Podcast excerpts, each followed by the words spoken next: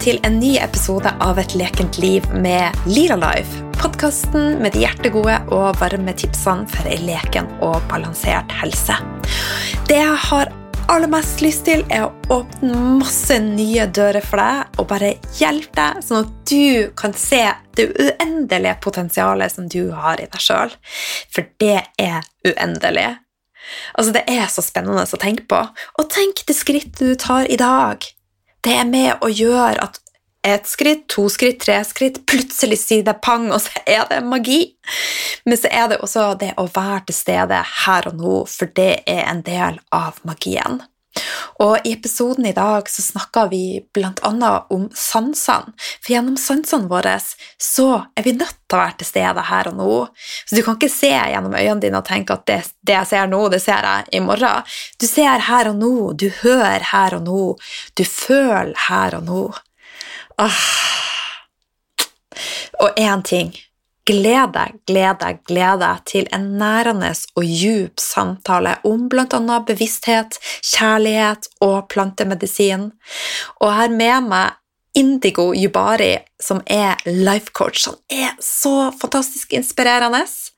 Og sjøl har jeg hatt gåsehud og mange aha-moments gjennom denne samtalen. Og jeg har trua på at den kommer til å treffe deg like dypt. I episoden har vi også snakka om tilstedeværelse, sansene våre, bort fra en dopaminstyrt hverdag, lek med kroppens egen kjemi. Fem matemner som Indigo ville ha valgt hvis han fikk kniven på strupen. Du kommer til å høre i episoden at han syntes det var litt ondt å måtte velge fem. Viktigheten av nærhet og kjærlighet for livskvalitet. Kjærlighet, grunnprinsippet for alt eh, som eksisterer. Fri kommunikasjon. Mening med livet. Kan forlenge livet, altså purpose. Blue zones. Programmering. Shadow work. Plantemedisin. Kombo. Psykedelika som ayahuasca som et terapeutisk verktøy, og mye mer. Eh, det er veldig viktig å understreke at psykedelika ikke er lovlig i Norge, og at vi kun snakker om det i terapeutisk øyemed der det er lovlig. Verken jeg eller en Indigo anbefaler det, og vi snakker kun om egne erfaringer. Så om du liker episoden, så blir vi veldig veldig glad om du har lyst å dele den. Det kan være med å gjøre en forskjell for et annet menneske. Så en siste ting. Jeg har et gratis kurs til deg som heter Hormonell ristart. Hvis du vil ha mine beste tips for stabilt humør, stabil vekt, fin, glødende hud, en smilende mage, en kropp som er funksjonell og fungerer, så er det bare å laste ned gratiskurset mitt, så får du mine beste tips til dette, og også hvordan du kan tracke feminin syklus og jobbe med egenkjærlighet. Så med det så er det én ting å gjøre, og det er bare å hoppe inn i en samtale som rett og slett ga meg mange aha moments. God lytt! Hjertelig velkommen, Indigo, til eh, podkasten Et lekent liv med Lila Life. Tusen takk. Tusen takk for at jeg har blitt invitert. Du, det er min glede.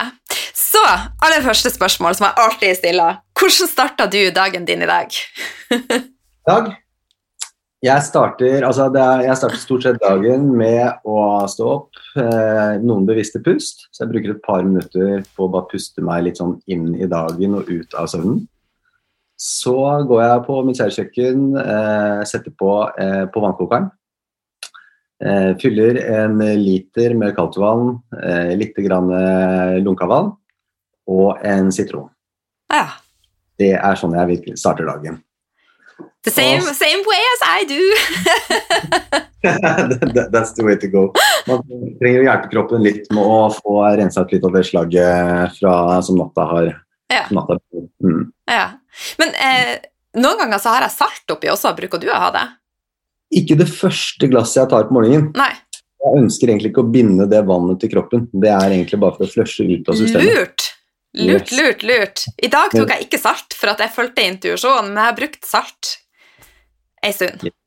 Ja, jeg bruker det altså særlig utover kvelden. Når jeg drikker mer vann utover kvelden, så fyller jeg på med litt ekstra vann. Nei, ekstra salt, unnskyld. Ja, ja. Litt ekstra vann går jo også fint.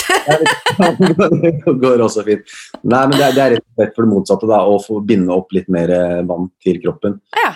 Hvis jeg drikker vann sent, så har jeg ikke noe særlig lyst til å drive og løpe på do eller stå opp og løpe på do på natta. Så da så er det greit å få, få bundet det litt fast. Det var ekstra lurt. Ok. Det var, nå har jeg lært to ting. Ja. Etter sitronvannet, hva gjør du da? Da går jeg inn i apotekskapet vårt, holdt jeg på å si. Jeg bor jo også sammen med samboeren min, Anniken Nayeli. Vi har jo, Kjøkkenet vårt ses nesten ut som et lite naturapotek. Så jeg har ikke nå lenger så har jeg ikke noe sånn fast supplement-regime, egentlig. Det er litt grann på, på gefühlen. Eh, nå selvfølgelig nå om dagen så starter jeg jo dagen da med mine egne, eller våre egne produkter. Ja. Har du et favorittprodukt, da? Jeg bruker Light på morgenen. Ja. Mm, som er det urtekomplekset som jeg satte sammen, som er et, eh, et nootropic som går veldig på å løfte sinnet, hjelpe meg til å våkne litt og, og få god energi og få, få pære her oppe til å begynne å, begynne å fungere som den skal. Ah, ja, så spennende. Så jeg har ikke prøvd akkurat det produktet, så det gleder jeg meg til å, å prøve, da. Ja, de kommer nok i posten til deg eller hvis ikke du tar deg en tur til byen snart. Så Jeg skal til Oslo snart! Ja. det hadde jeg ikke veldig glad for. ja.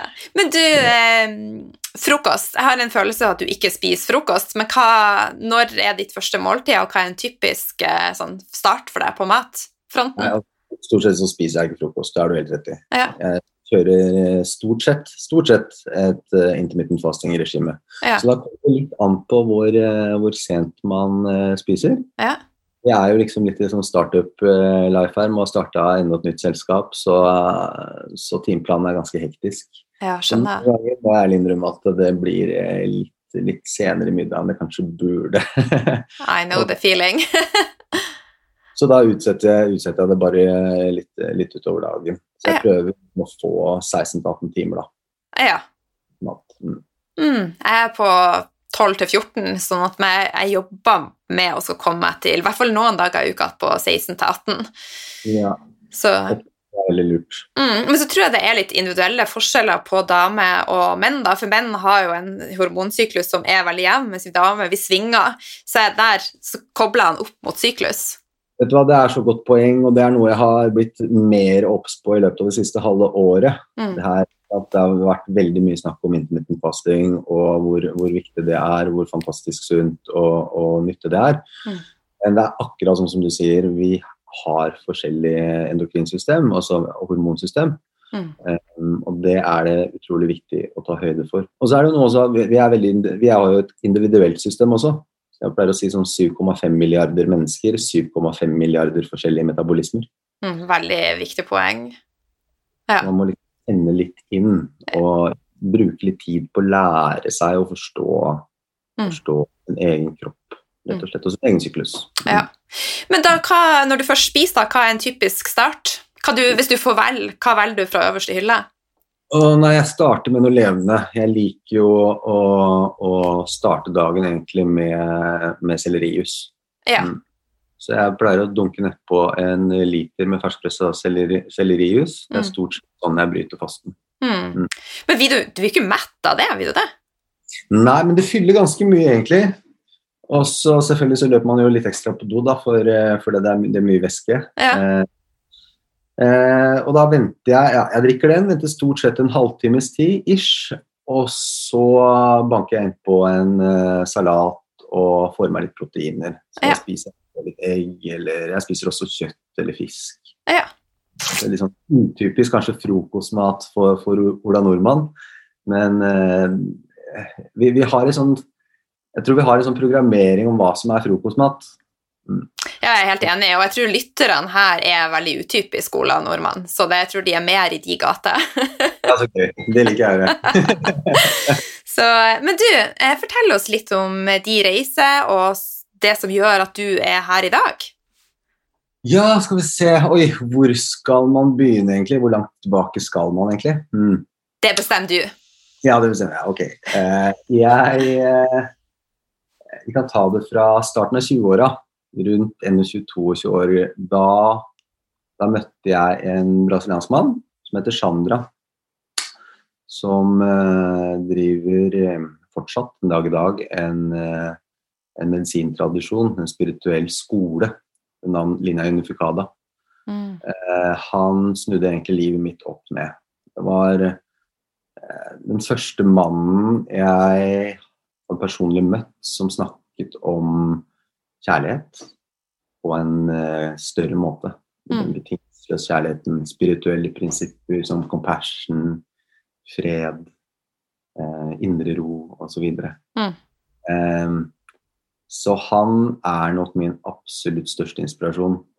Uh, og gjennom han så ble jeg introdusert for um, plantemedisin, uh, for ayahuasca. Uh, og det har vært en av mine absolutt viktigste allierte, eh, allierte i, i min livsreise, kan du si. Så spennende. Ja, den var virkelig med på å redefinere en, eh, en ung manns sinn Ja. på det tidspunktet. Jeg begynte å gå dypere inn i, i meg selv. Det er dypt selvstudie av å forstå mine egne mekanismer, underbevissthet og hva skal man si, ja, banalt uh, fortalt eh, min plass i dette universet som vi, som vi kaller verden. Mm. Din livsoppgave, rett og slett. Ja, på, på mange måter, egentlig. Ja. Min, min, min healing. Ja. Og- Eh, Livsvei og livsoppgave. Det er jo to. Ja. definitivt. Men hvor Ja. møtte du han her, da? Altså, jeg møtte han i Brasil. Ja. Mm, Brasil. han holder, holder, holder til der. Han har også bodd, bodd i Norge. No, han bodde i Norge noen år, men hovedsakelig så er det jo i Brasil man har lov til å jobbe, jobbe med disse Ja. sakramentene. Mm. Ah, og han holder fortsatt til i, i Brasil, da? Hvis, I Brasil fortsatt, ja. ah, Nå fikk jeg lyst til å dra til Brasil. Det kan virkelig anbefales på det sterkeste. Han er en helt fantastisk mann. er, ja, min, uh, my main inspiration in life. ja. Ja. Så han åpna rett og slett ei ny dør for deg og har gjort at du er her du er i dag? Helt klart. Helt klart. Uh, han var inspirasjonen til å dykke ned i eh, meditasjon. Uh, forståelsen, egentlig, En dypere forståelse av hva spiritualitet egentlig handler om. Mm. Den spiritualiteten jeg hadde vært utsatt for tidligere, uh, var, var jo religion, som stort sett de fleste. Ikke det at jeg kommer fra en religiøs familie eller noe sånt i det hele tatt. Nei. Så stort sett det man hadde hørt av besteforeldre og, og i, i religionstimene på skolen. Ja, ja, ja. Ja. Hm. Så det var rett og slett ei slags oppvåkning å møte han, da? Man kan si det sånn. Ja. Man kan sånn. Og det er en oppvåkning som fortsatt, fortsatt varer, tror jeg. Men var du, når du var da i 20-årene, var du liksom på en plass der du var på søken etter noe nytt, eller var det bare litt tilfeldig? Altså, jeg eh, Jeg pleier å si det litt sånn på fleip, men, men det er jo stor sannhet i det. Jeg, jeg er født med Harry Potter-brillene på, pleier jeg å si. Ok? Sånn som, jeg er han som liksom så, så uh, Gamla på loftet og, og mannen i kjelleren som ingen, ikke nødvendigvis alle andre så. Og, og ja, sånne ting som folk kaller auraer og, Ja. Og, sånne ting rundt mennesker. da. Så jeg har alltid hatt en eller annen sånn dyp connection til um, spirit, Mm. si det rett ut. Um, men um, hadde egentlig ingen kontekst å putte det inn i. Mm. Hadde ingen venner, hadde ikke noe miljø rundt meg der dette her var verken greit eller normalt å snakke om. Mm. Uh, og så, etter jeg møtte da Chandra, så, så, så ble ikke det bare lov.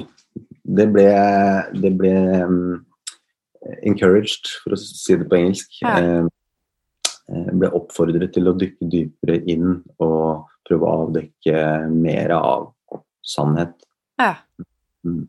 Og er det ikke fantastisk da også da å se hvordan ting endrer seg nå i samfunnet, for at nå er det jo mer og mer legitimt å bare si 'jeg er spirituell, for faen'. Ja, ja ikke, ikke sant? Ja, ja, det, er, det er kjempespennende.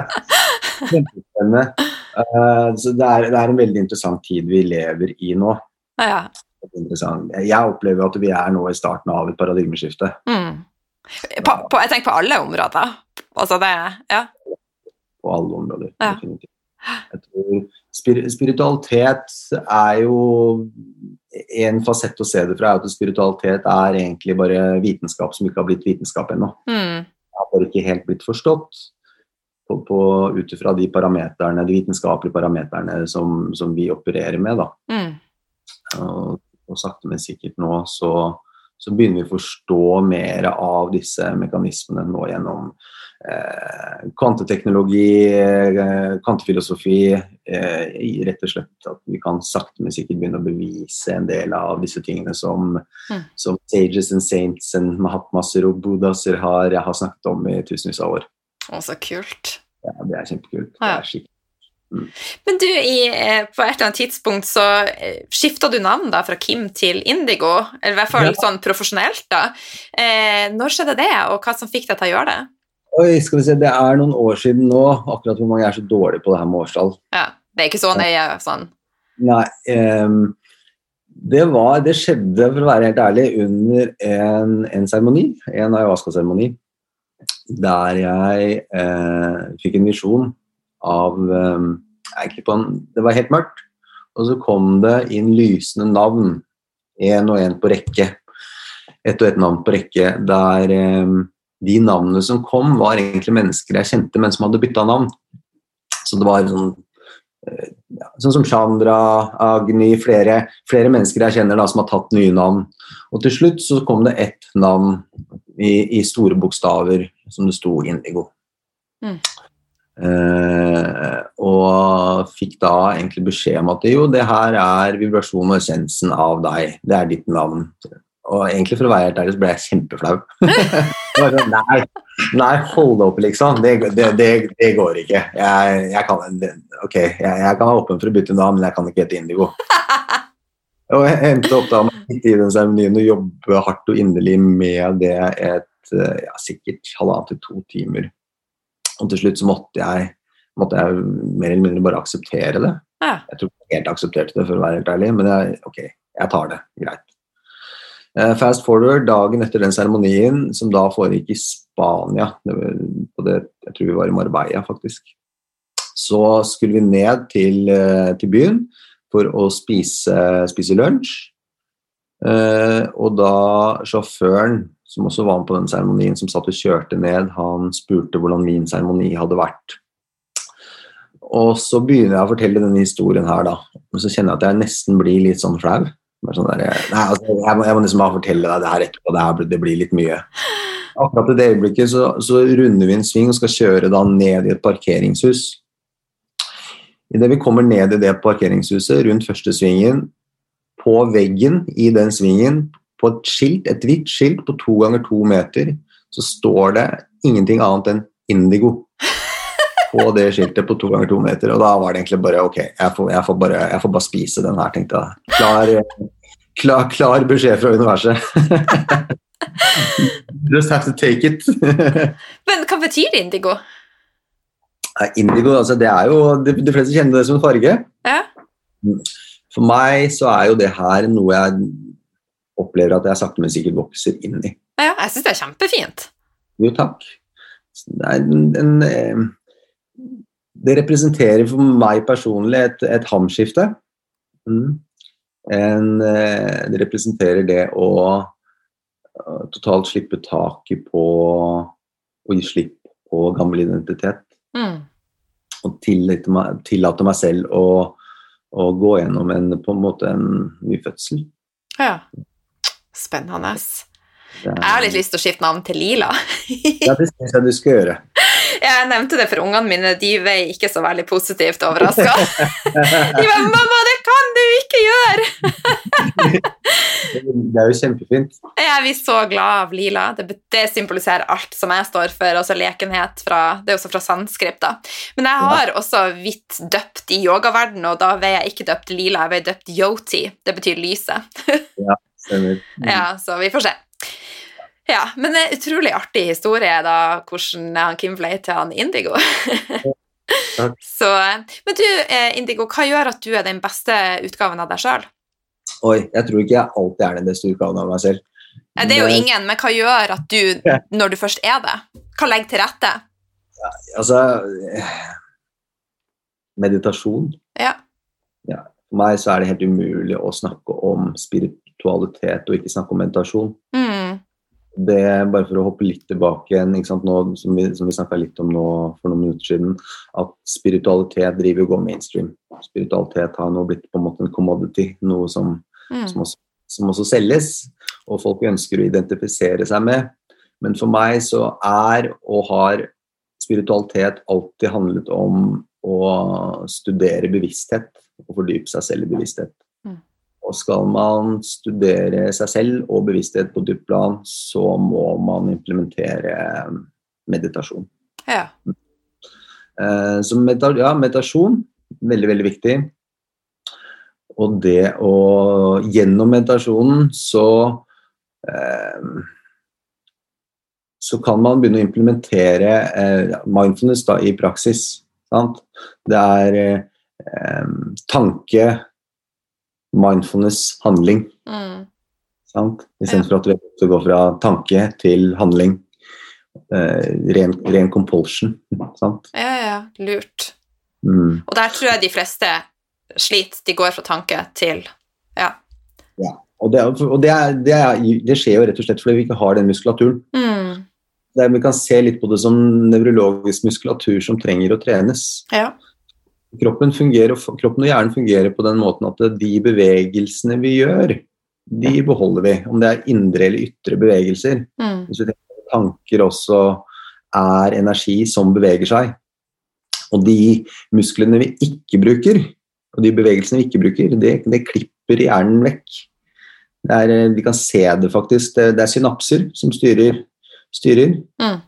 Bevegelsene som ikke brukes, gidder ikke kroppen heller å sende energi inn i. Sant? Så, så er, kroppen fungerer, er et eh, energibesparende system. Den har en, eh, har en måte å spare energi på. Eh, så, så det her er eh, rett og slett pushups. Indre pushups. Mm. Det, å, det å implementere og få en eh, god meditasjonspraksis, det er jeg hellig overbevist om eh, at det her gjelder for alle. At det, her, det er ryggraden i, i eh, spirituell praksis. All spirituell praksis. Så du setter av eh, tid hver dag til meditasjon?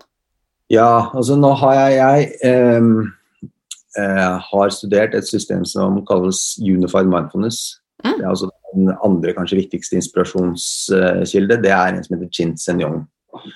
Han har utviklet et uh, mindfulness-system som heter, uh, heter Unified Mindfulness. Et basic mindfulness uh, langt tilbake, men har byttet navn til det. Han har også skrevet en bok som heter 'Science of Enlightenment', som jeg kan anbefale absolutt alle å lese. Den er også ute på lydbok. Um, og medita... Um, det å implementere eh, meditasjon ikke bare som en nødvendigvis sittende, stillesittende praksis med øynene igjen, det er kjempehensiktsmessig. Og det er egentlig det Chinsen har også tilført mitt liv. At jeg kan faktisk sitte og kjøre bil og være i en form for meditativ eh, tilstand. Mm. Jeg kan gå en tur, jeg kan sitte og snakke med mennesker og være i en meditativ tilstand. Jeg kan ta et bevisst valg og bruke bevisstheten til å være mer til stede. Så ja, jeg setter av tid til meditasjon så ofte jeg egentlig kan. Men så er jeg også så heldig, siden jeg jobber som coach, så har jeg også klienter som kommer til meg for å lære meditasjon. Mm. Så hver eneste uke så er jeg så heldig at jeg får lov til å sitte timevis i stillhet sammen med, sammen med andre mennesker. Oi, fantastisk. Ja, det er helt fantastisk. Ah, ja. Det er, eh, det er en av fa- favoritt, eh, favorittsessionene mine i løpet av en uke. Det er noe jeg etter som jeg kan sitte med. Mm. Ja. Ja, nei, jeg, jeg har jo vært eh, dronninga av multitasking, og jeg var jo sur på mannen min for at han kan du for svingende bare multitask litt mer. Men eh, det er jo jeg som måtte ha svelget noen kameler, for jeg har jo skjønt at det handler om å, å være til stede i det man gjør, ikke lage middag, vaske opp og prate i telefonen samtidig. Da er det jo full forvirring oppi her, i hvert fall i mitt hode.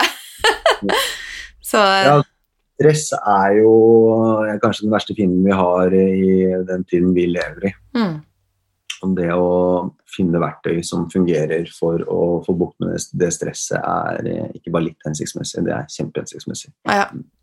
Men du, du var jo innom på det med bevissthet. Eh, hvordan vil du beskrive bevissthet?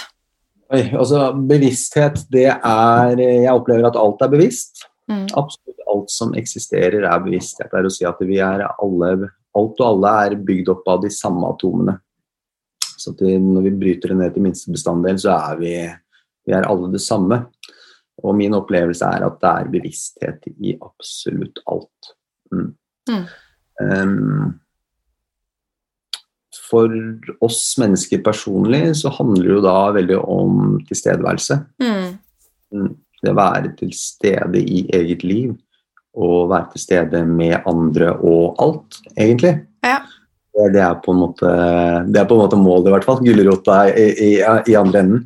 Mm. Eh, og da, når vi snakker da om tilstedeværelse, så blir det jo helt umulig å ikke snakke om sanseapparatet. ja, fortell. Så vi kan eh, Vi etablerer den sannheten at eh, sanseapparatet det består av å se, høre, føle, lukte og smake. Se, høre, føle, lukte og smake. Og så har vi jo en fettklump på toppen av hodet som vi kan kalle for en hjerne. Og den, den hjernen her, det sinnet der, den har en sånn stygg tendens til å stort sett være i fortiden eller frem, fremtiden. Og det er jo helt greit, for det skal den jo være. Det er den som sørger også for vår eh, overlevelse. Sant? Den eh, ser tilbake i går og sier ok, jeg så en mann spiste røde bær i går, og i dag er han død. Note to self, don't eat red berries in the future. Sant? Mens dette sanseapparatet, da, det er de mekanismene i deg og i oss som alltid er til stede. Fordi du ser ikke i går, og du ser ikke i morgen, du ser nå. Du føler ikke i går, og du føler ikke i morgen, du føler nå. Mm. Og du hører nå. Sant? Så disse sansene våre, det er de mekanismene i oss som alltid opererer i real time. Og da handler det mer om å lære seg å slippe bevisstheten ned i sanseapparatet. Mm.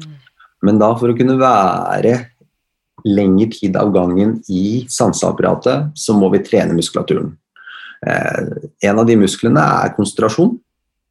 Konsentrasjon er dyrkjøpt eh, nå om dagen. Sant? Vi er eh, dopamindrevne vesener i aller høyeste grad. Vi eh, har Instagram og TikTok og alle andre sosiale medier. Vi, er, eh, vi blir stimulert eh, fra vi står opp til vi, til vi går og legger oss, Mm. og blir bokstavelig talt avhengig sant? Av, av disse små dopamin-rewardsene altså som, som vi får i løpet av en dag. Så den muskulaturen, konsentrasjon, den må da trenes opp. Eh, og da Helt umulig å snakke om meditasjon. Sanseklarheten må trenes opp. Sanseklarheten, det å kunne skille på, på sansene. Hva er det jeg egentlig sanser? Det jeg ser, at jeg er bevisst når jeg ser, bevisst når jeg føler, bevisst når jeg hører. Sånn. Eh, også bli bevisst på, på eh, hva som er tanker og hva som er følelser. Et godt eksempel på det er når f.eks. mennesker går gjennom en vanskelig situasjon. La oss si, Jeg bruker ofte samlivsbrudd som, som et godt eksempel. Det er en sånn da, da historie, altså da fortiden, fremtiden, tankene, følelsene smorses sammen til å bli, eh, bli bare en stor suppe. Mm. Og det er vanskelig da å, å ha sanseklarhet. Ja, jeg er jo i en situasjon nå der det er litt vanskelig i mitt forhold, og du beskriver det 100% Ja, ja, så det er Ja. spot on. Mm. Ja. Det er muskulatur som må trenes. Mm. Det, det er noe som bare kommer av seg selv. Det er akkurat som, man kan sitte og se på så mange treningsvideoer på YouTube man bare vil, men inntil man går og faktisk begynner å løfte på de vektene eller ta den joggeturen, så skjer det liksom ingenting. Mm, nei. Så, og, og sinnsro. Sinnsroen det er også en muskel, kall det en muskel, som må, må trenes. Mm, Den er ganske selvforklarende, det å kunne ha ro i sinnet. mm, Um, og sinnslikevekt, det er et ord som ikke blir mye brukt på norsk, men um, på engelsk equanimity. det å ha likevekt, et ba balansert sinn, det som um, Den muskulaturen man trenger for å ikke vippes av pinnen. Sant? Mm. Det kommer en, eh, et menneske som, er, eh, som man opplever som ekstremt frekk og ufin, men eh, man tillater det mennesket å bare være det mennesket, og ikke lar seg selv vippe av pinnen. Sant? Mm. Så det, det her er Og den eneste måten, eller den beste, mest effektive måten å trene den muskulaturen her på, er, er gjennom sittende meditasjon. Det er den mest effektive. Helt Mm. klart. Mm. Ja. Og så skal jeg tenke at vi legger med linken til den meditasjonen som du nevnte. Så legger vi med til notatene, sånn at eh, lytterne kan få lov å teste ut, og den boka som du nevnte. Så, eh, men eh, så du nevnte det med dopamin, og så vi er liksom avhengig av stimuli fra alle kanter. Så eh, hva vil være dine beste tips da til å bli mer til stede i egne sanser og gjennom dagen, og ikke la seg vippe av pinn av Instagram og alt sånne her ytre faktorer? Kaffe, sukker Ja, ja, det er jo litt, litt disiplin da, veldig ofte som må, som må inn i bildet. Sant? Mm. Og, og putte litt mindfulness inn om hm, Trenger jeg egentlig den kaffen nå? mm. Er det her en av mine avhengighetsmønstre? Fordi vi mennesker vi er jo født inn i addiction. altså Vi er født med avhengighet, eller vi fødes inn i avhengighet. og Det, det starter fra, fra egentlig vi begynner å bli amma, liksom. Vi, fra vi begynner å, å suge morsmelk. I, I morsmelk så eksisterer det stoff som heter eh, morfinin. Og det her er naturens egen, som er i, er i slekt med morfin. Ja. Eh, Så det her er egentlig naturens måte å løse, løse et egentlig veldig viktig, en viktig utfordring. Mm. Og det er at uh, avkommet uh, skal få i seg nok næring. Og måten natur løser det på, er at den gir den, den putter noe da, Det er en vanedannende, et vanedannende stoff i, i morsmelk. Mm. Så det her ligger i oss fra starten. Og så ser vi jo da at eh, veldig ofte for de fleste mennesker, så den addiction den, den, eh, den eh, følger egentlig det samme sporet. For eh, hva er de fleste mennesker avhengig av? Jo, det er jo ofte sukker og usunt fett. Mm. Og hva er morsmelk? Jo, det er jo stort sett glykemiske sammensetninger, altså sukkerstoffer og fett. Ja, ja. Som igjen da forbindes da underbevisst og bevisst med comfort. Sant? Komfort, ja. For det er det vi søker hele tida. Trygghet og komfort og ja. Spise is, f.eks. Is, det er fett og sukker. Mm. Det er basically det vi comfort, for vi søker, det, søker tilbake igjen til den tilstanden da vi følte oss trygge i mors armer. Og det er jo burger også. Det har jo eh, dressing, og så har du det hvite brødet som er sukker. Så, Ja, ja, ja. Men en eh, god burger skal man ikke kimse med en gang iblant. Absolutt ikke. Altså, burger, man, man blir jo egentlig aldri lei burger. Det er helt ærlig. Burger er jo bare det er, Ja, det er morsmelk. ja, det er skitgodt, altså. eh, rett og slett. Så, eh, ja, så vær litt mer bevisst eh, hva som faktisk skjer. Ja. Ja. Og det merker jeg sjøl nå, jeg måtte si til venninna. Altså, jeg jeg blir dratt veldig mye lettere mot kaffe og sånne type ting nå når det er litt kaos. Men eh, som du sa, da, så prøver jeg å minne meg sjøl på hva gjør kaffe med meg. Jo, jeg blir litt sånn, og trenger jeg akkurat det nå? Nei. Så derfor går jeg ofte for en te da, eller en matcha latte, eller Så jeg har jobba såpass dypt at jeg klarer liksom å ta gode valg, selv om jeg trigges. Ja. det er kjempebra. Nei, altså, sånn som det her med, med som du sier, man, man trekkes mot det man egentlig trenger minst når man, når man er stressa. Jeg pleier å si at er, for, for meg så er det å drikke en kopp kaffe er som å drikke en liten kopp med mild angst. Så du drikker ikke kaffe? Jo, av og til så gjør jeg det. Jeg prøver å bruke det som et verktøy hvis jeg virkelig, virkelig trenger det. Ja. Altså, jeg elsker jo både smaken og lukten av kaffe. Det er jo helt fantastisk. Men jeg har drikket Jeg vet ikke hvor mange kopper med kaffe jeg har drukket i løpet av livet der jeg opplever liksom Ti minutter etter den kaffen har gått ned, så bare ah, Hvorfor i all verden drakk jeg den koppen med kaffe? Ja, ja, ja. Nå, nå føles det bare liksom, Man får den der eh, litt sånn stressa følelsen i magen og Ja. Ah. Men responderer du likt på koffeinfri kaffe? Vet du hva, det, koffeinfri kaffe, det, det blir noe annet. Ja. Mm. Men jeg synes man får tak i Det er så mye dårlig koffeinfri kaffe her. Igjen, jeg må bare løfte. Jeg er ikke sponsa, men jeg bestiller fra Stavanger kaffebrenneri, og det er ikke, ikke sopp, og det er ikke noen muggsporer i den, og den er koffeinfri og økologisk og giftfri og alt. Og så kult. Ja, men det Takk, det skal jeg teste. Og så blander jeg inn litt løvetann og litt Sikori. Eh, helt nydelig. Mm, Og litt raishi. Herlig. Ja, fantastisk, fantastisk. Men eh, alt vi har prata om, er jo så eh, spennende. Eh, men før vi skulle i gang, da, så gjorde jeg jo litt research, og du skriver på nettsida at opplevelsen av god eller dårlig livskvalitet styres, styres av hjernen og kroppens kjemi. da. Og Mm. hvordan kan vi påvirke denne kjemien? Vi har prata litt om det, men har du mer der som du tenker er viktig å fremme? Ja, altså jeg opplever Jeg pleier å si at jeg er jo biohacker på min hals. Mm. Det er veldig veldig gøy å leke med virkeligheten og kroppens også egen kjemi. Mm. Er Sånn som du sier, jeg opplever at, eh, og at, at um, både tanker og følelser altså Det er jo kjemi. Ja. Det er styrt av nerver og hormoner, og den, en, og den eneste måten vi egentlig kan påvirke påvirke En av de beste måtene unnskyld, beste måten å påvirke kroppens egen kjemi på, er jo å være bevisst på hva vi spiser og drikker. Mm. Eh, så det å leke med, med kroppens egen kjemi, og da f.eks. tilføre kroppen eh, en- en bredspektra næringsprofil, Mm. Ikke med både mineraler og vitaminer i forskjellige doser, og sant, hva slags proteiner Er det kvalitetsproteiner eller ikke? Levende mat, altså som da prana, livsenergi. Mm. Kunne bruke kroppen sin som eget, et eget labra, lite laboratorium. Ja.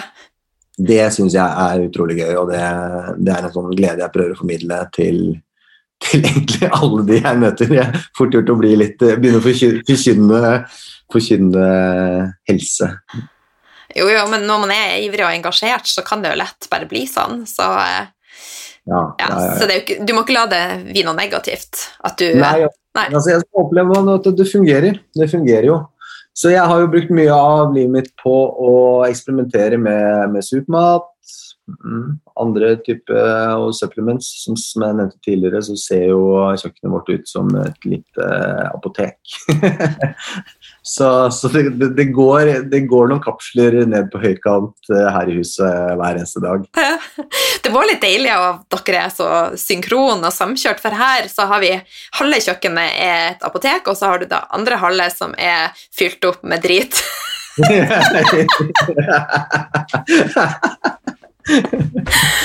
Så, sorry. Sorry, sorry, sorry. Men eh, sånn er det. Sånn er det. sånn er det. Sånn er det. Men du, Indigo, hvis du da fikk lov å bare velge med deg fem ting av eh, matvarer, hva hadde du valgt da? Åh, matvarer eller supplements? Er det, liksom, snakker vi Whole Foods her nå? Whole Foods, altså mat. Åh, jeg tror jeg hadde tatt med meg en, en god chunk med ordentlig, ordentlig kvalitets grasfòra biff. Eh, Fordi det smaker helt fantastisk. I know. Og, og, og føles også veldig, veldig bra. Uh, det var nummer én. Skal vi se, nummer to Mat Det kan jo være grønnsaker, og det kan jo være supermat og bær og frukt og Ja, ikke sant? Ja, også mango. Det blir vanskelig ikke å måtte velge med seg mango. Man blir bare glad av å spise mango. Har du prøvd pakistansk mango? Ja, det er helt fantastiske. Ja, Det hadde jeg ikke hørt om før eh, det, det er en måned siden jeg smakte det for første gang, og det var jo helt nydelig. Ja, det er helt nydelig. De er faktisk i sesong nå, så nå begynner de å selge de rundt overalt nede i Oslo. her. Ja, Oi! helt, helt magiske. Ja. Det er eh, superfood, superfood smoothie lagd på, på pakistansk mangobase. Er, eh, det er noe alle burde prøve. Ah, det fikk jeg lyst på nå. Ok, så da er vi på gressfòra biff, og vi er på mango. Ja, skal vi se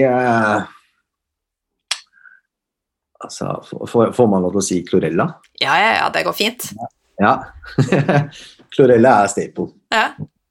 Fordi det er en veldig samlende energi i det. Sånn mental samlende energi. Samtidig som det også er en helt fantastisk naturlig smart binder som Mm. binder da diverse tungmetaller og andre giftstoffer og frakter det veldig, veldig skånsomt ut av kroppen gjennom tarm. Så ja, chlorella Nå, nå kjenner jeg at jeg begynner veldig fort å pense over på pulver og Du må jo ha noe til det er biffen din. Ja, ja, ja. Ehm, blåbær, faktisk. Eller norske blåbær, altså da bill, bilberries. Ja. Det, og, er- det går det mye av her. Ja. Ehm, og selleri. Stangselleri. Ja. Ja, det Så det blir et interessant biffmåltid er veldig, veldig interessant biffmåltid. med litt sånn grønn klorella, jeg klarer ikke å si klorella på toppen, og så en bær-fruktsalat på sida. det her ser jo, altså Hjemme her i huset så ser jo middagene helt merkelig ut. til tider. Her, her kan det jo bare være plutselig bare en biff, en biff og to spiseskjeer med, med, med kokosfett som, som ligger på tallerkenen, liksom. Ja, ja, men det egentlig er jo ofte det beste. Ja.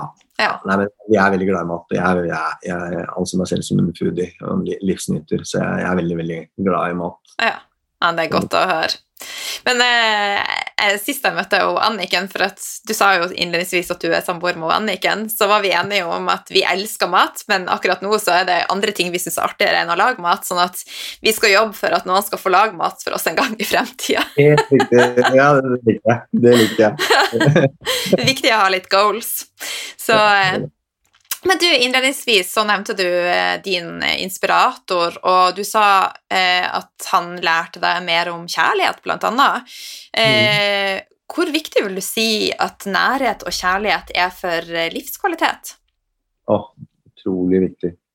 Jeg kan det er mange vinkler inn til å svare på det spørsmålet her. Mm. Vi kan gå teknisk inn i, gjennom eh, hormoner, oksytocin osv. Mm. Men altså, hvis du skal virkelig snakke om kjærlighet, da, så opplever jeg at kjærlighet er grunnprinsippet som absolutt alt eksisterer på. Mm. Det er den energien av kjærlighet som får jorda til å spinne rundt Mm. verket til å eksistere. Eh, ennå så stort og bombastisk det høres ut. Men det tror jeg virkelig. Og det er min opplevelse av det. Um, og jeg tror at vi mennesker, det er det vi, derfor vi er her.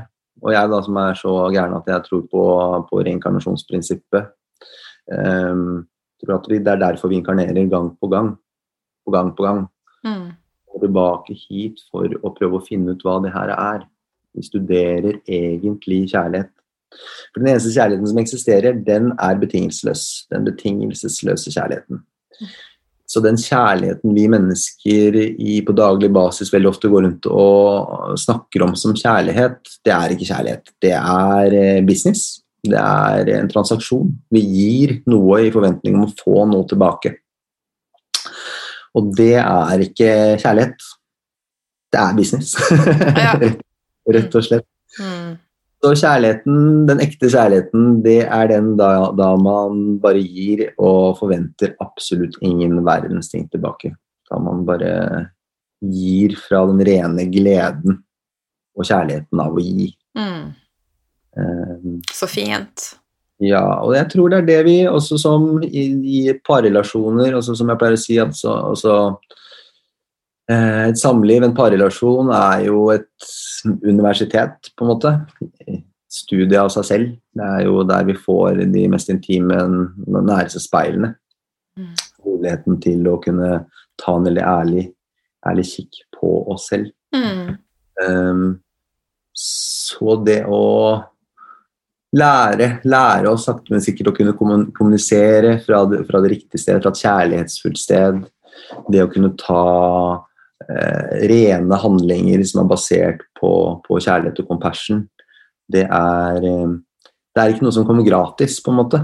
Det er noe som må studeres og forstås på et mye mye dypere plan enn bare på et intellektuelt plan. Mm. Og øves på, tenker jeg.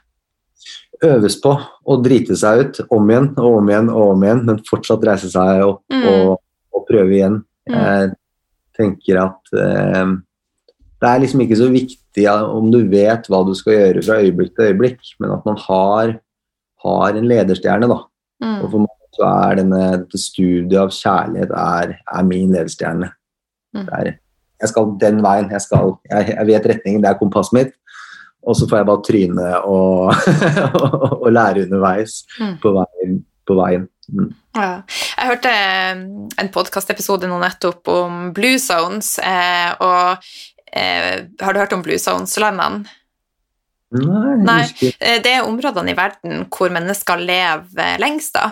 Eh, de kalles blue zones, eh, og det er jo flere fellestrekk i forhold til hvorfor de tror at de lever lenge, og det ene er jo samhold, eh, at de er mye med andre mennesker, de har en tilhørighet også til familien sin, de spiser ren mat, gressfôra når de først spiser, spiser kjøtt, og så drikker de drikker faktisk en del alkohol, men alt er biodynamisk.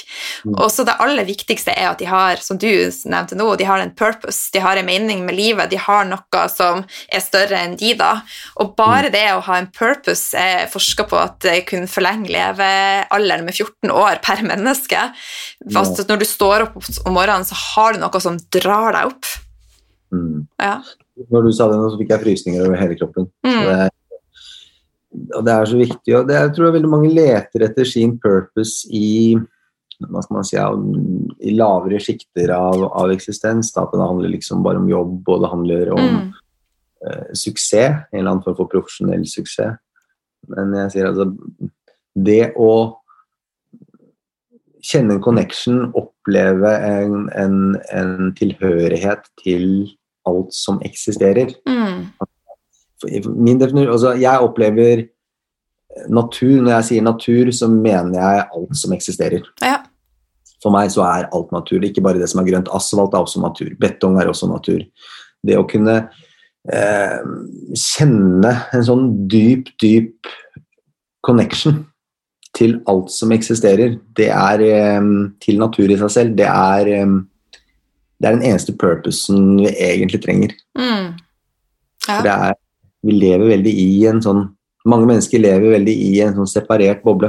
Mm. Jeg er enig i det. Der det handler om meg og mitt ego. Mm. Mm. Og det er litt sånn viktig for meg, og når jeg var inne på det med meg og Anniken som ønska kokker, så, så er det jo ikke pengene eller berømmelsen som gjør at jeg er motivert. Og det er jo ikke derfor jeg ønsker en kokk, for at jeg har så utrolig mye penger at jeg skal kunne betale en kokk, men det er jo for at jeg har lyst til å bruke mer tid på det som er min purpose. Eh, og det jeg brenner for, å faktisk sitte her og prate med deg og prate med andre. og jeg tenker at Vi har jo et budskap, så jeg har bare lyst til å jobbe med det budskapet hele tida. Ja, og det er jo helt nydelig. Det er helt nydelig. Ja.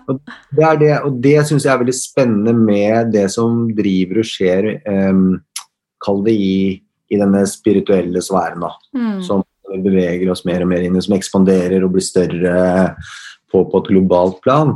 Det er at eh, vi begynner nå å forstå at altså, spiritualitet er ikke, er ikke bare noe for de som har valgt å bli munk eller nonne, liksom. Og, og reiser og setter seg i et kloster i, i Tibet. Mm.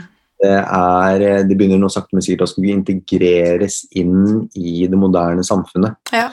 Der det faktisk også er lov å, å tjene penger Mm. og jobbe med, med spiritualiteten sin samtidig. Mm. Og spiritualitet også er jo e- e- en av prinsippene i, i spiritualitet er jo at det er egentlig overflod. Det er eh, prosperity and abundance. Det er et veldig det er, det er et gjeldende prinsipp. Og det, å, og det å kunne manifestere det for seg selv og kunne dele det ut i verden, dele den vibrasjonen ut i verden, det tror jeg er eh, det, er- eller, det er purpose i seg selv. Det er en, Ja. det er en høy purpose i seg selv. Ja. Mm. Så ja, jeg er på ditt lag. ja, det er bra. Men du, eh, nå sitter jo vi og kommuniserer veldig fritt her, og, eh, men det jeg opplever i samfunnet, er at vi har veldig mye vegger og barrierer oppe, og det å kommunisere 100% fritt fra våre sanne indre er ikke så altså enkelt for eh, oss eh, nordmenn. Vi er ganske lukka. Har du noen Mm. gode tips til å bli mer åpen og hjertestyrt i kommunikasjonen vår? Altså, gode tips og gode tips. Altså, det, er, det er jo egentlig en prosess å begynne å lære å se seg selv gjennom sine egne øyne.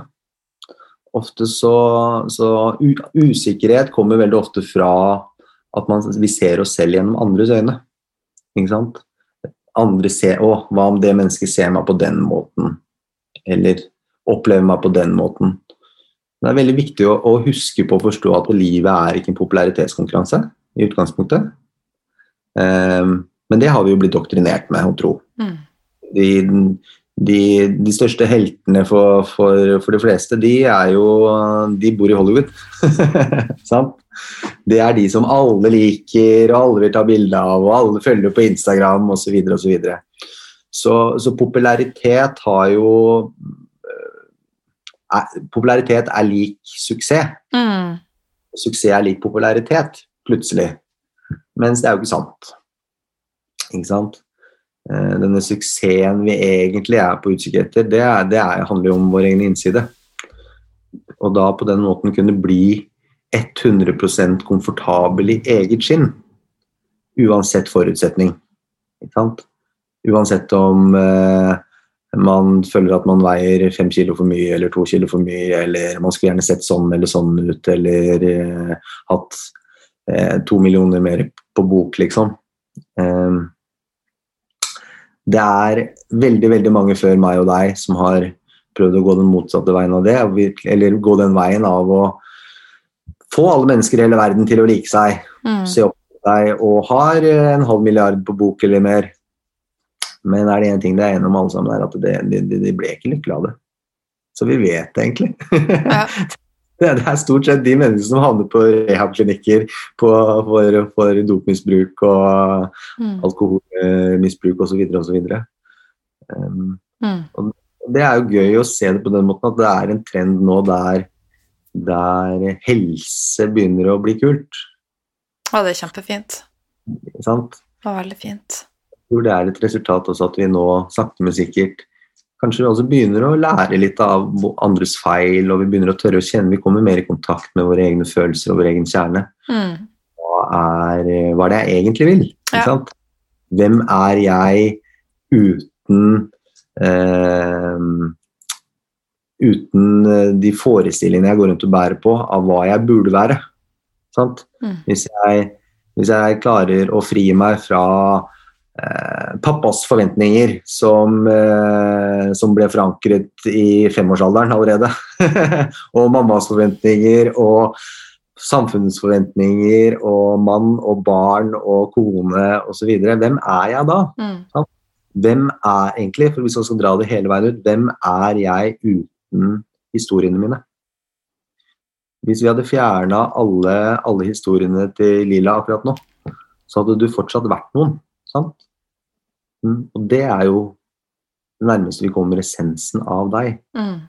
Hvis da du kan begynne å operere fra det stedet, som da er helt totalt grenseløst, egentlig, ikke sant? Fra det stedet kan vi jo virkelig begynne å leve leve ut vår egen purpose. Og den purposen er jo egentlig det du sa. Du ville dele mer av deg med verden. Det er jo service. Mm. The, the, that's the purpose. That's the, the, main purpose. Hvis du drar tilbake en tusenvis av år og frem til nå i alle, de, alle, alle ordentlige eh, spirituelle tradisjoner, så handler det om service på et eller annet tidspunkt så når mennesken et bevissthetsnivå der de ønsker bare å dele mer av det gode. Mm. For det er det eneste som makes any sense. ja. Eh, og det er jo et sitat av Dalai Lama som jeg bare elsker. Altså uh, Everything I do, I do for egoistic purposes only. Uh, uh, I only do what I do to help other people because I want to make other people happy. Så, så ler han. Det, det, er, det, er, det eneste han gjør. Det er, det, er, det er hans eneste purpose, er å hjelpe andre å få det bedre. Og det, gjør han, for det er det eneste som han sier That is the only thing that gives me any joy. Ja. Det var veldig fint, og ja. Mm. Takk som deler.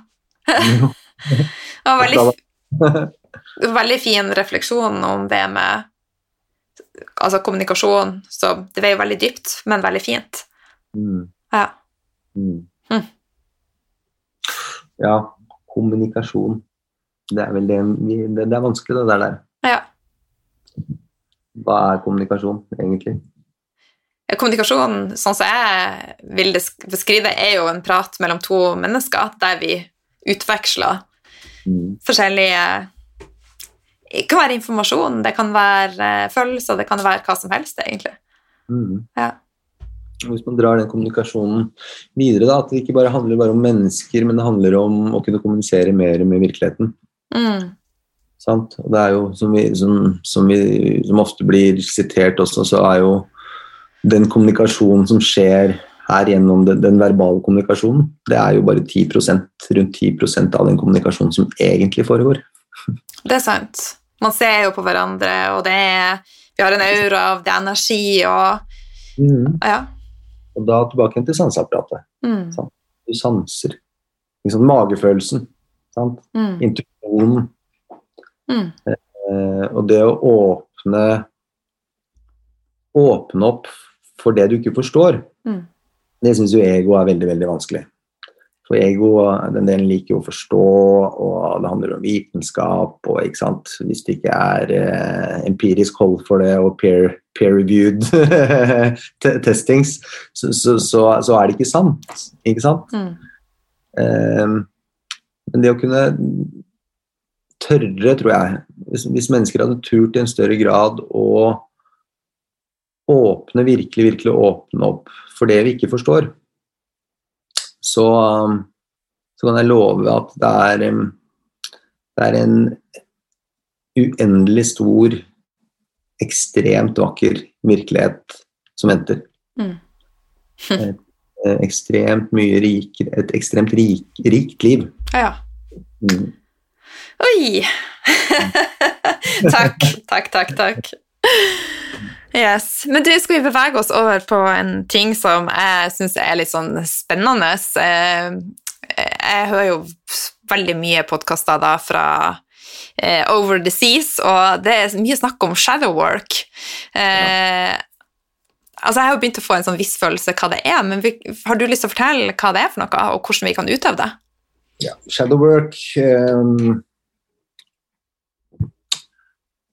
Da må vi snakke om underbevissthet. Mm. Så vi har, la oss si, vi, vi kan dele det opp i to lag. da. Det overbevisste laget og det underbevisste laget.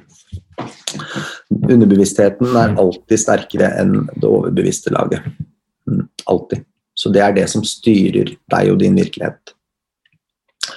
Um, og der er en kjempeutfordring for 100% av alle mennesker som inkarnerer. Det er på en måte vår karma. Det er vår livsoppgave. Mm. Det er der den dype healingen ligger, egentlig. Og potensialet for den dype healingen. Um, så alt som da eh, oppleves, alt som da også pro prosesseres gjennom eh, følelser og emosjoner, havner alltid direkte i underbevisstheten. Da kan du tenke deg som barn, som spedbarn eller som nyfødt, eller som til og med før man ble født, da man lå ni måneder i magen. så, var det fortsatt ikke utviklet et, et um, rigid intellekt. Sant? Så et barn som er én måned, to måneder, tre måneder, fire måneder, fem måneder, seks måneder, eh, prosesserer veldig lite gjennom intellektet, men prosesserer veldig mye gjennom følelser og emosjoner og sensasjoner. Og alt det havner direkte i underbevisstheten. Så man kan si at eh, som barn da, så er man styrt mer av instinkter. Mm. Mm. Så jeg liker å bruke et, et, er et eksempel her um, um, Si på 20-tallet, da. Så var det en gravid kvinne som hadde to venninner før seg som hadde fått barn. Og i god 20-pedagogisk stil så sier de to venninnene hvis ikke du har lyst på et bortskjemt barn, så lar du være å løfte opp barnet ditt hver gang det gråter. Ikke løfte opp barnet ditt hver gang det gråter. Så sier hun ja, det hørtes logisk ut. Jeg har jo ikke lyst på et bortskjemt barn, så jeg lar da være å plukke opp barnet mitt hver gang det gråter. Mm. Um, og det gjør hun. Og denne lille gutten eller denne lille jenta her, da, den eh, begynner jo nå å bruke sine instinkter, utvikle instinkter. Den forstår hm, Da jeg gir uttrykk for mine behov, så blir det ikke møtt. Men når jeg ikke gir uttrykk for mine behov, da blir det møtt og litt til. For da får man jo nærhet, og man får pupp og ikke sant. Alle disse tingene her som er godt da, og trygt som et spedbarn når man er et spedbarn. Og Det her funker jo vel og bra, det her, helt til jenta blir seks-syv år gammel og begynner på skolen og har mest lyst til å sitte i hjørnet bakerst i klasserommet, rekker aldri opp handa, er ikke spesielt flink til å, eh, til å approache andre barn for lek. Og så kommer konferansetimen, og så sier eh, klasseforstander ja, men altså, hun er nok bare litt sjenert. Og så sier forholdene ja, hun er nok bare litt sjenert. Og så får jenta høre ja, det er nok bare det at jeg er litt sjenert. At jeg er sånn som jeg er. Men det som ligger her nå og maler rundt i hennes underbevissthet, er når jeg gir uttrykk for mine behov, så blir det ikke møtt. Men når, men når jeg gir uttrykk for mine behov, så vi, ikke gir uttrykk for mine behov, unnskyld, så blir det møtt og litt til. Mm. Men det skjer ikke i verken eh, seks- eller syvårsalder eller i voksen alder. Så det er bare et, et eksempel på hvordan disse mm, Hva skal man si? Vi kan jo si at dette her var en konklusjon som ble, som ble trukket veldig, veldig tidlig mm. fra denne jenta eller denne guttens perspektiv. Eh, som dette mennesket nå ikke er bevisst på på noen som helst måte lenger. At det er det som ligger og styrer. I hennes hode, hennes tanker, så er det da at hun bare Hun har alltid vært litt sjenert, f.eks. Mm. Mm. Så det å begynne å løfte opp eh, underbevisstheten, altså da fra skyggene opp til det overbevisste lagene, det er eh, Det er sånn vi sakte, men sikkert blir frie. For det er helt umulig å snakke om fri vilje. Virkelig snakke om fri vilje. Vi, de fleste mennesker på den planeten her går rundt og har en idé om, om at de har fri vilje. Mm. Men så lenge vi er styrt av disse underbevisste mekanismene, så har vi ikke fri vilje. Og disse, og disse hva skal man si, disse bildene, da, disse imagene som da dannes, eh, dannes, i underbevisstheten, de blir veldig ofte, veldig ofte eh, dannet i, fra veldig veldig tidlig alder. Mm. Mm. Jeg tror jeg har hørt at den, eh, den første, altså den eh, mest massive programmeringa skjer fra null til sju år. Ja, helt klart. Mm. Helt klart. Så da må man jobbe bevisst da, for å bryte disse underbevissthet, altså mønstrene som vi har i underbevisstheten, eh, med hjelp av shadow work, da, men på norsk, da, hvilke teknikker? Altså, det, har du noen teknikker som kan brukes? Meditasjon? Meditasjon, definitivt. Mm. Ayahuasca? Ja, og ja, plantemedisin har nå begynner jo nå å få med Nå skal jeg bare gjøre en full disclaimer på det her eh, først som sist. er at jeg, jeg, sitter ikke her og reklamerer for eller for, mm. for eh, bruk av psykedelika. Mm. Men, det er veldig viktig, for det er jo ikke lov i Norge. så, så, for de som er interessert, eh, så finnes det nå ekstremt mye, mye god informasjon der ute, i og med at eh, det har fått veldig mye oppmerksomhet, mm. i, spesielt de fem siste årene. Mm. Som gjør at det har blitt satt av uh, mer og mer ressurser, økonomiske ressurser for å gjøre seriøs forskning på det her.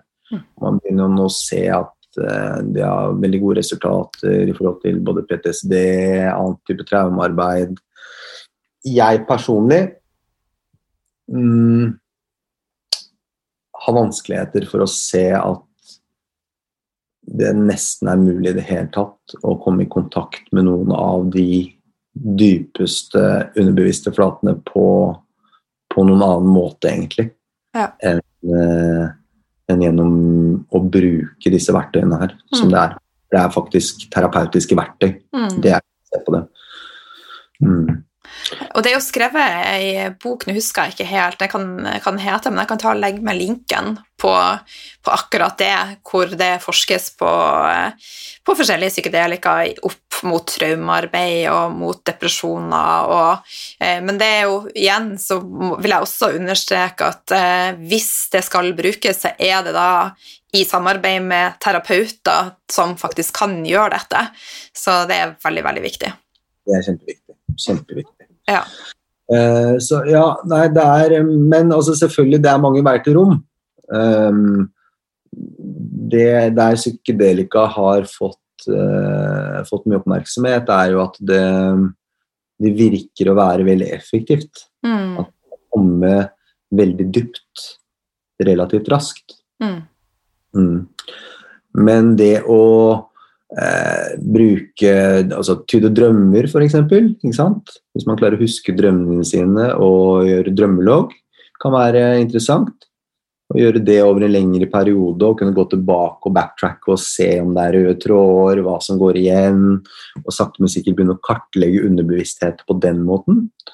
Eh, ja, meditasjon definitivt, men da holder det liksom ikke med en guidet meditasjon eller en fem minutter meditasjon til musikk, men da å virkelig Jobbe litt dypere.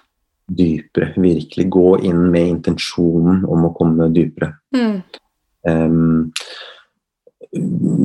breathwork, holotropisk pusting, altså andre, type, andre typer breathwork har også vist seg å kunne gi eh, veldig veldig gode resultater. Jeg har også hatt god, eh, god hjelp av eh, forskjellige typer breathwork i min, min egen reise.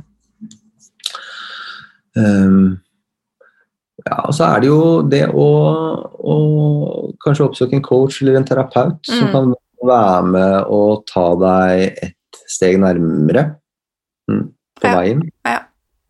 Jeg, Mm. tror, ikke- jeg tror ikke du kan på en måte guides av noe eksternt som en, en terapeut hele veien hjem, for å si det på den måten, men som en god start for å begynne å få arkivert litt og få litt, eh, litt kontroll på og, og et litt større kart, og et litt mer tydelig kart, så kan det være veldig, veldig nyttig. Mm. Mm. Jeg har så mye å, å lære, og jeg tenker at hver dag er jo en fantastisk dag til å være nysgjerrig og bare tenke det her er jo så spennende. Ja, altså, det er den beste holdningen som finnes i hele verden. Ah. Ja, det kjempe, kjempespennende. Men eh, eh, når jeg hadde med meg han Anders fra funksjonell medisin, så eh, snakka vi også litt om psykedelika. Og nå har du altså Vi har jo prata litt om det, og at det kan være et fremtidig verktøy, men at det er lurt å bruke det da i, altså, i samråd med noen som kan dette. Og i Norge per i dag så det er ikke lovlig. Mm. Men eh, etter jeg prata med Anders, så har jeg fått flere spørsmål fra lytterne om kambu og ayahuasca. Eh, er, kan du fortelle bare litt om de to, da, for eh, se på det som Q&A? Ja, altså, Kambo er jo ikke per eh, en psykedelika. Nei. Kambo er jo et eh, sekret som eh, skilles ut fra ryggen på en trefrosk som lever i Amazonas. Mm. Um, dette er en medisin, eller ble ansett som en medisin av, eh, av indigenous stammer i Amazonas, som de bruker som um, De bruker det eh, som en vaksine. Wow.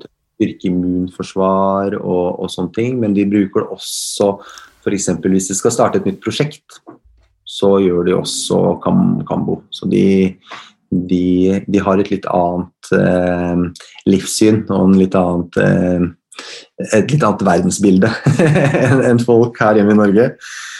Eh, jeg har gjort eh, kambo flere ganger. Eh, min personlige opplevelse av det er at det i aller høyeste grad var med på å styrke mitt eget immunforsvar. I en stor grad. Mm. Jeg hadde slet når jeg var yngre, så slet jeg bl.a. med pollenallergi. Eh, Bjørkepollen, gresspollen, burot osv.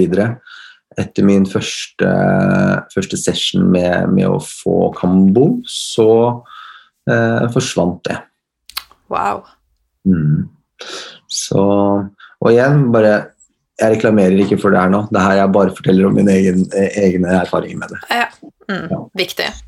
Så ja, det, er, det, er, det har blitt, begynner sakte, men sikkert også bli gjort veldig mye spennende forskning på det.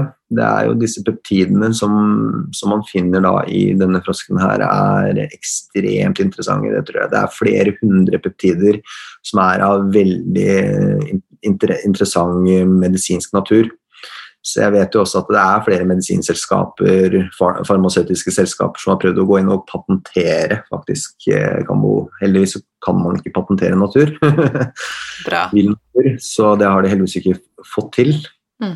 Men eh, også den eh, farmasøytiske verden finner, finner eh, Kambo veldig, veldig spennende. Som en spennende case. Mm. Og så har vi ayahuasca, da. Ayahuasca, ja. ja det, er, eh, det er nesten en hel podkast i seg selv, holdt jeg på å si. Ayahuasca er um, Det er jo det som, det som er mysteriet med ayahuasca, er at det er jo ikke én plante, det er jo to. Mm. Det er to planter. Så I de tradisjonene så snakker man veldig ofte om det maskuline og det feminine. Det er en liane, som man anser mer som det maskuline elementet, kraft. Og så har man eh, det feminine, som er da den delen som gir visjoner og bevegelse og veldig mye av også der helbredelsen sitter. Ehm, de to plantene her har fint lite effekt hver for seg, men når de kommer sammen, så gir det en enorm effekt. Kan gi en enorm effekt. Ehm, den eh, Og det er et kjempemysterium. Det er et kjempemysterium i seg selv, fordi man vet, kan ikke egentlig helt forstå hvordan disse indianerne visste dette for tusenvis av år siden de sier, jeg tror det er sånn matematiske utregninger som sier noe sånt at det er liksom 1 til 2,5 million sjanse for å klare å treffe akkurat de to plantene, i og med at de ser ut som nesten alle andre planter som vokser, tusenvis andre planter som vokser i, vokser i regnskogen. Så kult, da. Ja, det er, det er kjempespennende. Så det er, et, det er et kjempemysterium fortsatt den dag i dag. Um, ayahuasca har en um, enormt Eller har et enormt uh, helbredende potensial. Mm. Mye fordi den gir deg muligheten til å ta denne ekstremt ærlige kikken på deg selv, ikke bare i forhold til de bevisste lagene, men de underbevisste lagene. Og du kan begynne virkelig å få se eh, hvorfor du er og opererer eh, og, så, som du gjør. At du fyrer på de sylinderne du fyrer på i dag.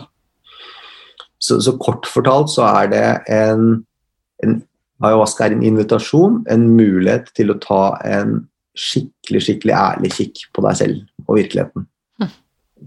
Veldig spennende. Så tenker jeg at vi kan la det være med det, og så får vi se om Er det, er det lov å spille inn en hel podkast om ayahuasca? Vil vi da Vil eh, et lekent liv med Lila Life få refs? ja, det er et godt spørsmål. Ja, det som er spennende nå, nå ser vi jo eh, en av de grunnene nå til at det blir jo satt av mer forskning. Det er jo da et, en institusjon som heter MAPS i USA, som driver nå med forskning på psykedelika. Og vi ser nå at det er flere og flere stater i USA altså, som avkriminaliserer eller legaliserer det. Mm. Eh, Tim Ferris eh, Tim, Tim Ferris er en av verdens mest suksessfulle entreprenører. Jeg vet ikke hvor mange milliarder han er god for, men det er helt ekstremt. Han er jo en av de som har donert enormt mye penger, og er fysisk også ikke bare som investor men, eller donator av penger, men også er veldig personlig involvert i, i hele eh, I alt, av forskningen også i det. Mm. Jeg ser jo nå at flere og flere profilerte personer begynner sånn sakte, men sikkert å, å komme ut av skapet. Ja, det har jo vært en episode på Goop, The Goop Lab yes. med og Gwyneth, og hvor de ja. prata om det. Så ja. Nettopp. Ja. Aubrey Marcus, som driver, um, som driver um, Onnit Academy, Eh, er jo helt åpen om sine reiser og hvor viktig det har vært for han å bruke psykedelika. Joe Rogan, som de fleste har hørt om i dag, er verdens mest nedlasta podkast. Eh, mm. Er jo helt åpen om hvor viktig psykedelika og planter har vært for han. Sting var jo en pioner på sin tid. Han, han har jo hatt med flere også av de stammene i Amazonas som jeg har også hatt med å, å, å gjøre. Så, så, det er Heldigvis så har vi disse også profilerte menneskene som nå tør å gå i front. Kult. Det er, det er ikke bare gærne hippier med dreadlocks. så holder på med de tingene der. Ja. Men vi i Norge vi ligger jo litt etter, da. Det må vi bare ta med oss på, på de fleste områder. Vi gjør det. Vi mm. gjør det. Så Yes, men du, sånn helt uh, avslutningsvis, altså du og Anniken, uh, din soulmate, dere er jo så heldige å få lov å ha kjøkken som er et medisinsk Nei, ikke medisinsk, men som er nesten som et urteapotek. Ja, om dere har jo nå også lansert en altså Juksibu. Ja. Altså, for, fortell litt om det, og bare fortell litt om hvordan det er å være så heldig å ha funnet en soulmate.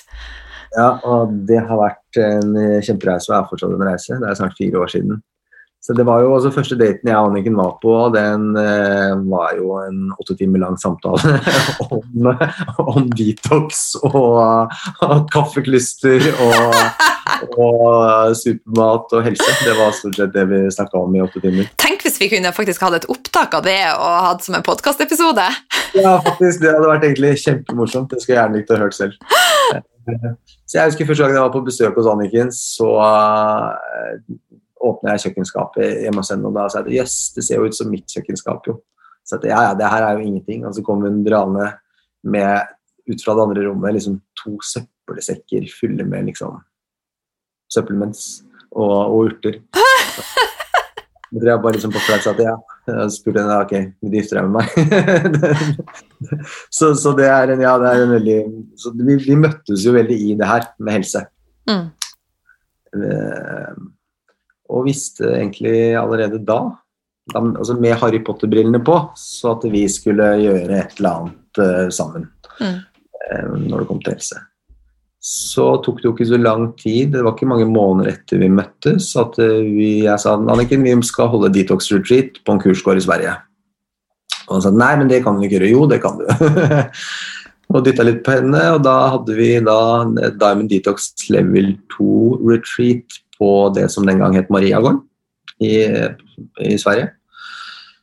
Og fra der så fast forward eh, fikk jeg prøve. Hun satte sammen da en parasittrens til meg som jeg hadde så utrolig god effekt på meg. Så jeg sa nei, det her må bare dele verden.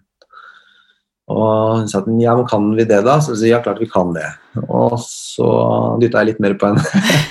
Og så lagde vi, formulerte de og putta de på glass. Fikk det putta på glass og, og begynte å selge, selge, da Paratox, som den heter. Som nå står i hundrevis av hjem, eller har stått på hundrevis av kjøkkenbenker rundt omkring i det langstrakte land. Fantastisk!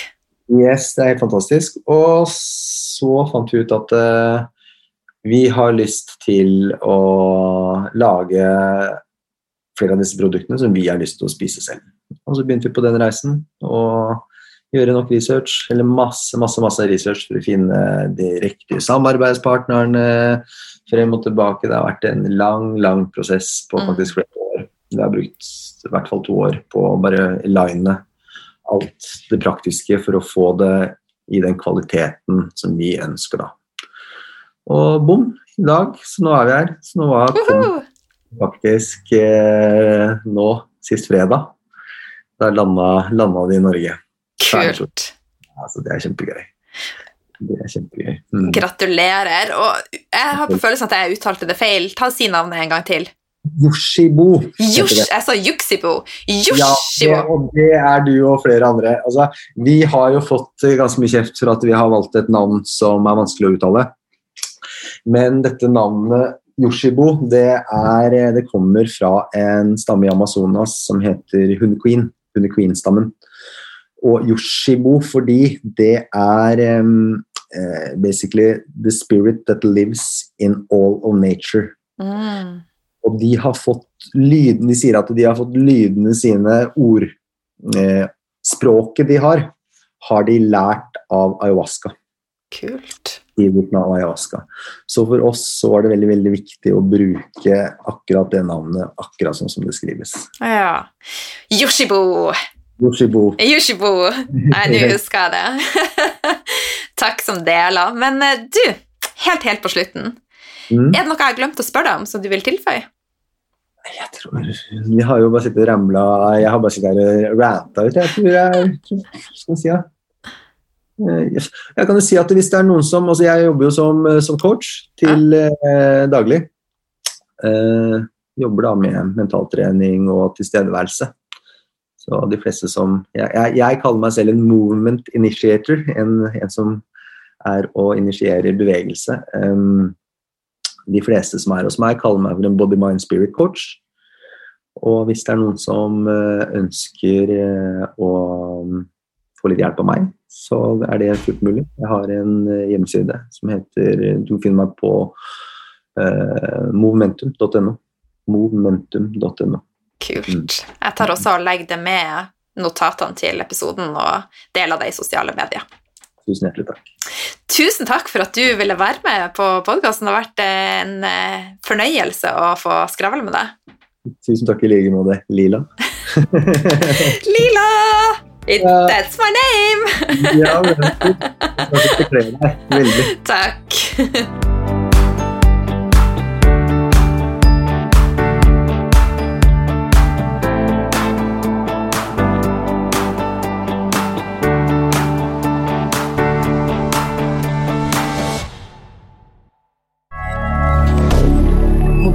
D'accord.